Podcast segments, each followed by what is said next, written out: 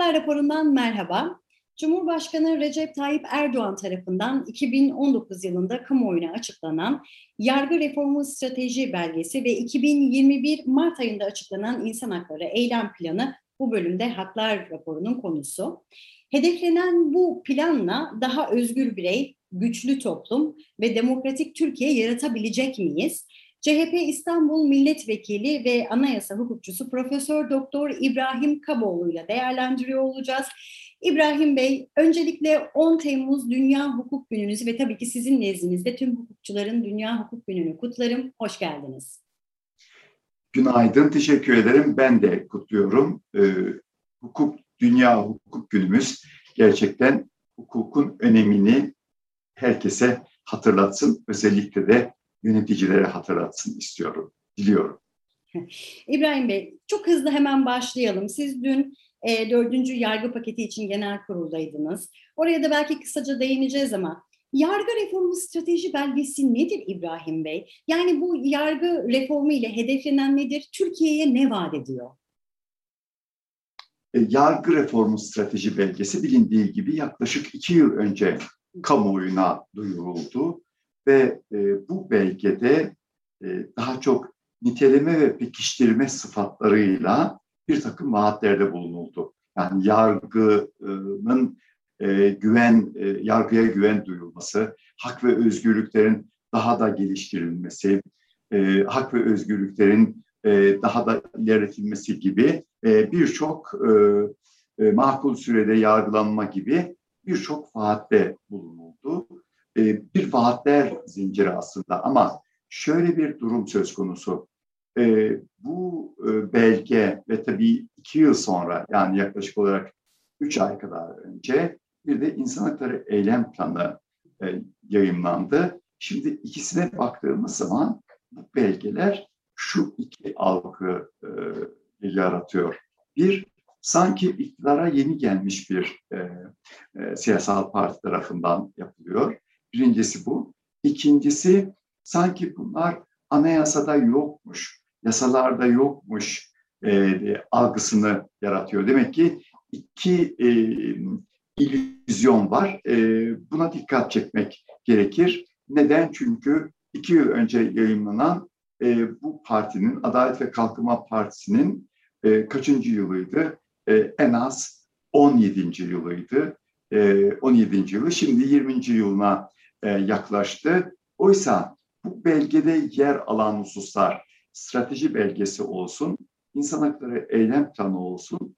E, bunlar aslında anayasada temelleri var olan hak ve özgürlüklerdir. E, yasalar tarafından güvence altına alınmış olan e, süreçler, ilkeler diyebiliriz. Bu bakımdan hani bunların bir başka iktidar tarafından yol açılan e, ihlallerdir e, biçimde bir e, algıya yol açmamalı. İbrahim Bey peki yargı reformu strateji belgesini ve insan hakları eylem planını kim hazırladı? Yani bu tarz planlamaların ortak bilinçle yapılması düşünülürken insan hakları e, örgütlerinden ya da sivil toplum kuruluşlarından görüşe alındı mı? Ve e, son olarak da yani bir diğer sorumda e, Türkiye'nin mevcut sorunlarıyla yüzleşmemiz ve e, çözüm için yeterli mi? İnsan hakları konusu e, saydam bir biçimde ele alınması gereken bir konu ve ciddiye alınmalı. Yani insan hakları ciddiye alınması gereken bir alan, bir konu, bir sorun. Şimdi e, bu açıdan hani Türkiye'de bir takım sorunların e, üstünü örte örte görmezlikten gele gele yürütülen bir politika e, terk edilecek mi, terk edilmeyecek mi? E, örneğin e, anayasaya saygı, yani yürürlükteki anayasaya saygı duyulacak mı, duyulmayacak mı? Şimdi eğer siz hani bu tür bir belgeyi e, yürürlüğe koyduğunuz halde e, kimin hapse gireceğini, kimin suçlu olduğunu, kimin beraat etmesi gerektiğini, kimin beraat etse bile hapisten çıkamayacağını e, sürekli bir yönetici olarak yani bütün devlet organlarını etkileme gücüne sahip bir e, cumhurbaşkanı olarak, bir başbakan olarak sürekli e, yinelerseniz o zaman iki şey yapmış olursunuz. Bir, e, anayasanın 138. maddesini ihlal etmeye devam ediyorsunuz demektir. İki, ortaya koyduğunuz bu tür vaatlerde içten değilsiniz, samimi değilsiniz demektir. Nitekim e, yargı reformu strateji belgesinden bu yana kaç ay geçti? 26 ay geçti. E, ama e, Türkiye'de en temel özgürlükler, ifade özgürlüğü, düşünce özgürlüğü, gösteri ve yürüyüş özgürlükleri, dernek özgürlükleri sürekli ihlal edilmektedir. Bu ihlallerin nedeni e, yasalar değildir, anayasa değildir. Bu ihlallerin nedeni e, yasaları uygulamak konumunda olan, anayasayı uygulama yükümlülüğünde bulunan kişilerin anayasayı ve yasaları e, sürekli ihlal etmesidir. Bu açıdan sorduğunuz soruda eksik kalmasın. Bu tür belgelerin e, sadece iktidar tarafından mı yapılması gerekiyor yoksa geniş bir katılımla mı e, sorusu ise tabii ki öyle olması gerekiyor. Geniş bir katılımla e, insan hakları örgütlerinin de muhalefet partisinin partilerinin de katılımıyla hazırlanması gerekiyor ama o tür bir hazırlanma bir yüzleşmeyi de beraberine getirir. İki şeye e, açık olmak lazım. Bir e, demokratik sürece açık olmak gerekir. Yani demokratik katılım e, zihniyetine e, yatkın olmak gerekir. İki, öyle bir e, katılım süreci aynı zamanda yüzleşmeyi beraberinde getiriyor. Örneğin siz e, mahkeme kararı verinceye kadar, e, mahkeme kararına kadar hiç kimse suçlu sayılamaz biçimindeki masumiyet karinesi anayasada madde 38'de açıkça varken e, siyasetçiler, bakanlar e, ve üst düzey görevliler kimin suçlu olduğu, kimin terörist olduğu, kimin iyi yurttaş olduğu konusunda sürekli konuşuyorlarsa o zaman onların gerçeklerle yüzleşmesi mümkün olmadığı gibi, olmayacağı gibi onların e, bırakın sivil toplum örgütlerini bu sürece katmayı e, muhalefet partisine veyahut da e, ikinci Türkiye'nin ikinci partisi olan e, CHP'ye bile danışma gereği duymadan e, sadece belgeyi kamuoyuna açıkladıktan, açıkladıktan sonra e, bunun propagandasını e, yapmak için e, çaba göstermekte yarışırlar. İbrahim Bey siz biraz değindiniz ama ben de o noktadan biraz daha açmak istiyorum aslında. İkinci yargı reformu paketi 2 Mart'ta İnsan Hakları Eylem Planı başlığıyla duyuruldu. Ve İnsan Hakları Eylem Planı'na bakıldığında aslında demokratik süreç için çok önemli amaçlar içeriyor.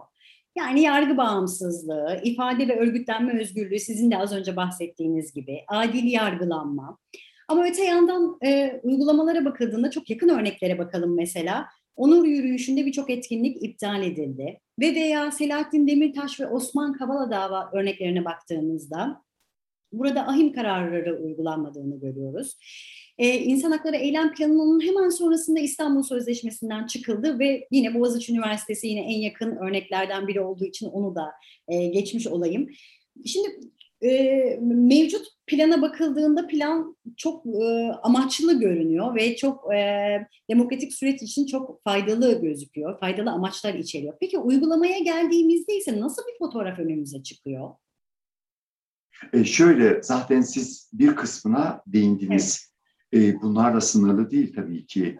Evet. E, Kaz Dağları'ndan İkiz e, Dere'ye kadar gidebilirsiniz. Adeta e, veya Cerattepe'den e, Kanal İstanbul'a kadar e, devam edebilirsiniz. Soma'dan e, Ankara'ya bütün emekçiler, işçiler Türkiye'nin her tarafında her tarafında yaşanan sorunlar, e, çevresel sorunlar olsun, emek temelinde sınıfsal sorunlar olsun, e, Boğaziçi örneğinde olduğu gibi üniversite özelliği için verilen mücadele için olsun veyahut da e, Kavala Demirtaş kararında siyasal nitelikte e, e, yargı süreçleri olsun. Hepsi bunlar aslında ve tabii sayamayacağımız onlarcası, binlercesi. Şu anda düşünün 70 bin yurttaş yargılanıyor.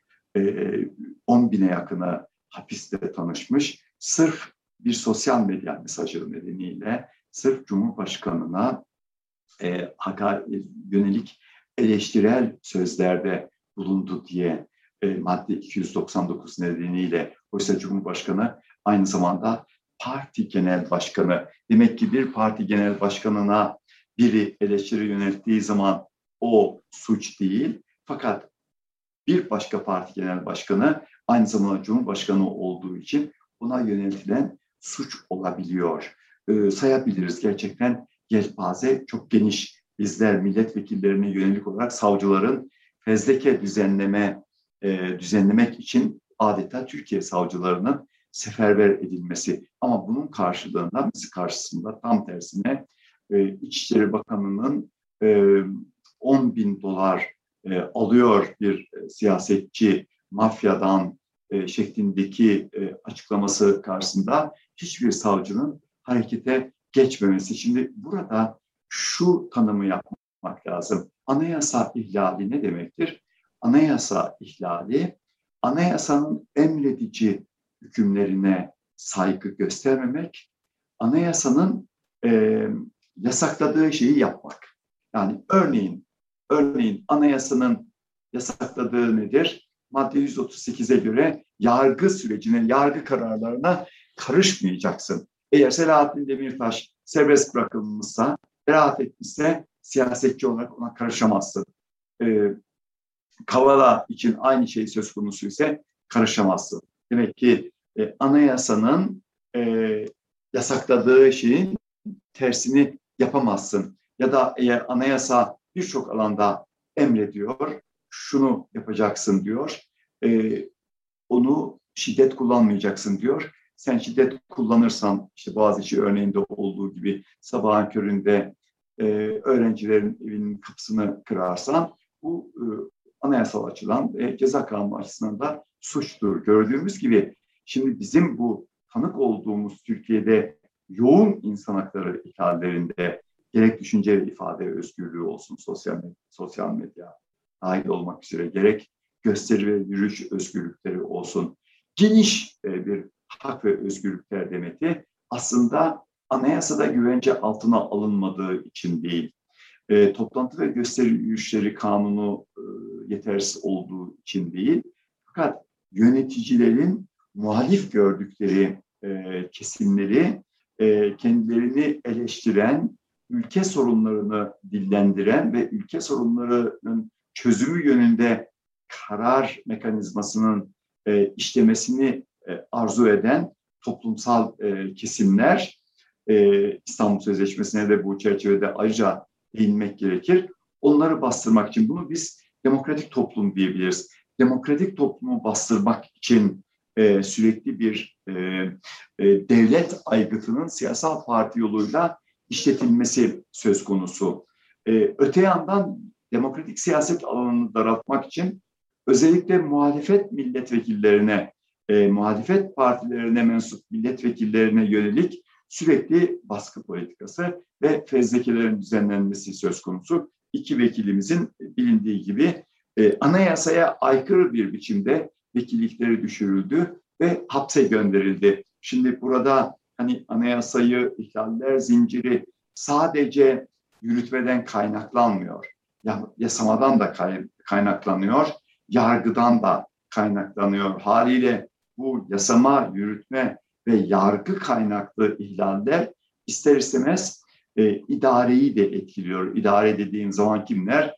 Valiler, valiler yani idari hiyerarşik amirler, kolluk güçleri, emniyet müdürleri veyahut da e, sokakta görev yapan kolluk güçleri, polisler, jandarmalar. Şimdi böyle olunca tabii o iki e, belgenin yargı reformu strateji belgesiyle insan hakları eylem planının e, birer e, makyaj malzemesi, e, zevahiri görünüşü kurtarma e, aracı olarak e, e, karşımıza çıktığını söyleyebiliriz. Ve burada en yakıcı sorun sizin değindiğiniz e, üzere mesela bir İstanbul Sözleşmesi. Şimdi İstanbul Sözleşmesi aslında sadece kurumlar çöktüğü, çökertildiği için e, e, yapılan bir işlem değil. Yani kurumların çökertilmesi şu, bütün hükümet kaldırıldı, işte Türkiye'nin yönetimi tek kişinin sorumluluğuna verildi. Tek nedeni bu, bu değil. Bu aynı zamanda bir e, kurallara saygı göstermeme konusu. Az önce dedim ya hani kurallara anayasa madde 90 ne diyor bu konuda? Türkiye Büyük Millet Meclisi'ni yetkili kılıyor. Uluslararası sözleşmelerin onaylanması ve sözleşmeden gerekirse ayrılması konusunda. Ama tek kişi yürütmenin başı bu yetkiyi ben kullanıyorum diyor. O zaman ne, ne yapıyor? Bir fonksiyon gaspına gidiyor. Yani anayasayı ihlal ediyor. Bir başka anayasal organa ait olan bir yetkiyi kendisi kullanıyor. Peki bu bununla mı sınırlı? Hayır bu bununla sınırlı değil. Bakın tam bugünün dünya insan dünya hukuk gününde tartıştığımız e, gündeme getirdiğiniz bu e, insan hakları e, eylem planı ile iki yıl önce yürürlüğe konan da açıklanan e, yargı reformu strateji belgesiyle de çelişiyor. Yani yargı reformu strateji belgesini e, açıklayan irade, e, aradan e, 22 ay geçtikten sonra insan hakları eylem planını açıklayan irade, eğer aynı zamanda tam 18 gün sonra çünkü hatırladığım kadarıyla 2 Mart günü insan hakları eylem planı açıklandı. 20 Mart gecesi de İstanbul Sözleşmesi'nden çıkıyorum dedi. Şimdi e, siz eğer bunu 18 gün arayla birbiriyle tamamen çelişen iki işlemi yaparsanız o zaman e, bırakın insan hakları eylem planının inandırıcılığı bir yana hani e, yurttaşları bu planın e, kendilerine vaat edilen e, yurttaşlar kendilerini aptal hissederler. Yani kendilerini aptal hissetmezler de aptal yerine konulduklarını hissederler. İşte bu yurttaşlara dalga geçmek demektir. Yöneticilerin, yöneticilerin e, yurttaşlara dalga geçmesi demektir. Yöneticilerin yurttaşları aşağılaması demektir. Tahkir etmesi demektir. Peki İbrahim Bey, uygulanacak bu faaliyetlerin ve eylem planlarının e, denetlenmesini veya nasıl uygulandığını e, kim denetleyecek? Yani denetim denetim nasıl yapılacak? E, denetim e, nasıl yapılacak bu belli değil. Mesela bizim dün akşam e, oyladığımız onların dördüncü yargı paketi adını verdikleri e, ve e, aslında bir reform olmaktan çok uzak olan e, belge sözde bu çerçevede hazırlandı. Yani gerekçede biz yargı reformu strateji belgesiyle e, insan hakları eylem planını dikkate aldık, onu uygulamaya geçirici bir düzenleme yaptık şeklinde bir gerekçe kullanıyorlar. Oysa, oysa bu belgeyi asıl olarak biz Cumhuriyet Halk Partisi olarak e, ele aldık ve ben onun bir tür inisiyatörü olduğum için, öncüsü olduğum için bu çerçevede belirtmemde yarar var. Tam 12 ayrı yasa önerisi hazırladık. 189 maddeden oluşan ve ilginçtir bu son e, dördüncü yargı paketi adı verilen e, yasa önerisi verilmeden önce e, Türkiye Büyük Millet Meclisi Başkanlığı'na verdik. Komisyonda gündeme bizimkiler alınmadı. Bu ele alındı. Bu bir reform değildir. Bu çok çok sınırlı bir takım ufak tefek adımlardır dedik. E, tipik örnek olarak madem ki İstanbul Sözleşmesi'nden bahsettik.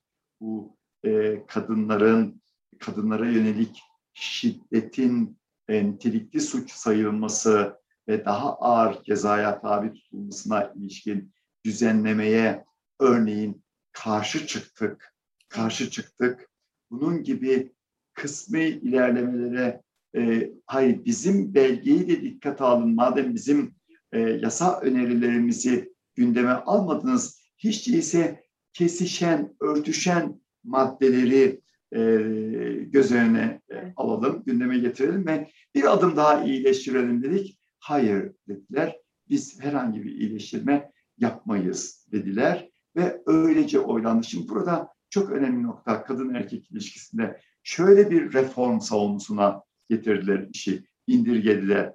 Şimdiye kadar evli olan eşlerden koca karısını öldürürse o zaman o ağırlaştırılmış cezaya çarptırılacak. Şimdi deniyor. Ekledikleri tek şey şu.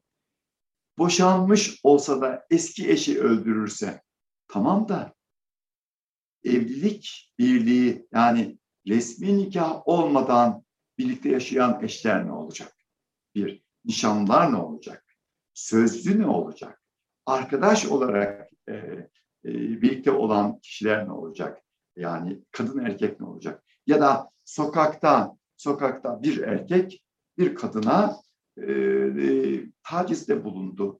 E, onu e, şiddet uyguladı, öldürdü. O zaman o niçin e, ağırlaştırılmış cezaya tabi tutulmuyor da sadece burada e, kadına yönelik şiddetin e, işte şiddet suçunun işlenmesi için evlilik bağı aramıyor. Oysa hani kadın erkek ilişkisinde erkeklerin öldürdüğü kadınlar hani orana baktığımız zaman cinsiyet temelinde olmayan kaç cinayet var acaba? Evet. Bu cinayetlerin çoğu yüzde 99,99'u cinsiyet temelinde işlenen şiddet ve cinayetler olduğuna göre e, bunun dikkate alınmaksızın boşanmış eşlere özgülenmesi ve sadece onların e, kapsama alınması ve diğer bütün e, şeylerin, cinayetlerin bunun dışında tutulması, imam nikahıyla yaşayan eşler bile bundan yararlanamayacak.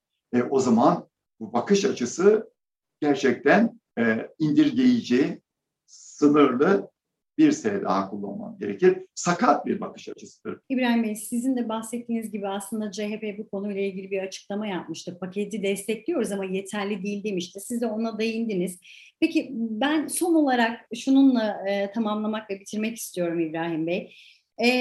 Bir bütün olarak yargı reformu strateji belgesi ve yargı reformu çıkışı ile yapılmak istenenler uluslararası platformlara yani dışarıya hangi mesajı veriyor? dışarıya şöyle bakın biz insan haklarına saygılıyız. E, Türkiye'de anayasanın öngördüğü demokratik hukuk devleti, insan haklarına saygılı hukuk devleti kuralları işlemektedir, işletilmektedir. Biçiminde bir dışarıya güven verilmesi e, amaçlanıyor olabilir. Demokrasi vardır, hukukun e, e, saygı gördüğü izlenimi ama tabii ki e, bunda inandırıcı olmak mümkün değildir. E, zira Türkiye'de yapılanlar, edilenler ve tanık olduğumuz günün 24 saatinde farklı meslek mensuplarının, kadınların, işçilerin, çevre savunucularının, ondan sonra öğrencilerin, çok çok farklı meslek mensuplarının e, bireysel olarak ve kitlesel olarak hak savunması, hak savunusu temelinde e, sözleri, eylemleri ve işlemleri sürekli bastırılmaktadır. Bu bakımdan dışarıya e, bir güven, e, dışarıya yönelik bir güven ta tazelemesi mesajının verilmesi mümkün değildir. E, bu e şeyler, bu vaatler e, eylemlerle ve uygulamalarla desteklenmelidir. Hatta şöyle bir soru sorabiliriz. İki yıl süreyle yargı reformu strateji belgesinin hani çok çok şişirilme olduğu, şişirme bir belge olarak nitelediğim yargı reformu strateji belgesinin asgari gerekleri bile yerine getirilmediği halde alelacele bir insan hakları eylem tanığının açıklanmasının hemen ardından 18 gün sonra İstanbul Sözleşmesi'nden çıkılması acaba e, dışarıya yönelik bir mesaj mıydı? İstanbul Sözleşmesi'nden çıkmak için e, bir tür bahane mi e, yaratıldı? Onun bahanesi bir belge midir? Ve dışarıya karşı insan hakları eylem planı ondan sonra biz İstanbul Sözleşmesi yerine daha güçlü bir belge hazırladık. Bununla koruyacağız demek için mi? Ama tıpkı Türkiye'deki insan hakları ve hukuk savunucuları e, bunu e, e, ifal diyoruz. Buna hani aldatma, ifal, e, hani halka aldatma, yurttaşı e, aldatma. insan hakları vaatleri adeta şimdi biz 10 Temmuz 2021 günü konuştuğumuz e, bu insan hakları sorunları sistematik ve sürekli Türkiye genelini kaplayan yaygın insan hakları ihlalleri karşısında bu iki belgeyi siyasal otoriteler tarafından birer kamuoyuna yönelik birer ifal belgesi yani birer aldatma belgesi olduklarını söyleyebiliriz. E, tabii bu da nasıl yapılmaya çalışıldı? E, Türkiye'nin tam da e, tek kişi yönetiminin parti başkanlığı yoluyla kurulan devlet ve e, hükümet yönetiminin bütün yetkilerin tek kişide toplandığı bir e, şeyin, bir yönetimin üç yıldır olduğu gibi toplumu, halkı sürekli aldatma, eski deyişle sürekli ifal e, edici e, söylem, e, işlem ve uygulamalar e, zinciri. Bu da şunu gösteriyor, belki de e, tekrar bu iki belgeyle bağlayacak olursam, e, çok yönlü olarak e, tek kişi yönetiminin, yani parti başkanlığı yoluyla e, devlet ve hükümet başkanlığının sürdürülemezliği açıktır, mümkün değildir e, Türkiye'de. E, bunun bunun e, sürdürülebilmesi için bu tür belgeler sanki sürdürülebilirlik, e, meşruluk zemin yaratmaya çalışıyor. Oysa oysa e, bunlar bunlar bu rejimi e, kurtaramaz, sürdüremez. Peki İbrahim Bey çok çok teşekkür ediyorum değerli vaktinizi ayırdığınız ve e, değerlendirmelerde bulunduğunuz için. Son olarak eklemek istediğiniz bir şey var mıdır yoksa ee, burada? Efendim gazetenizin, Gazete Duvar'ın e, hukuk günü, hukuka, insan haklarına duyarlılığını e, kutluyorum e, ve e, maalesef ne yazık ki 2021'de de e, Dünya Hukuk Günü'nü güler yüzlü içinde karşılayamadık. Umarım sizlerin duyarlılığı, e, medyanın duyarlılığı sayesinde toplumda e, doğru bilgi, e, topluma doğru bilgi vermek suretiyle bir hukuk bilgisi, hukuk bilinci, hukuk kültürü yaratmaya katkıda bulunuruz ve gelecek yıllar hukuk açısından hukuka saygının gösterildiği, yöneticilerin varlık nedeninin hak ve özgürlükleri güvence altına almak olduğu e, gerçeğinin anlaşıldığı e, hukuk günleri olur diyorum ve nice yıl. İbrahim Bey çok çok teşekkür ediyorum. Haklar raporunun e, bu bölümünde yargı reformu strateji belgesini ve insan hakları eylem planını CHP milletvekili ve anayasa hukukçusu Profesör Doktor İbrahim Kaboğlu ile konuştuk. Görüşmek dileğiyle.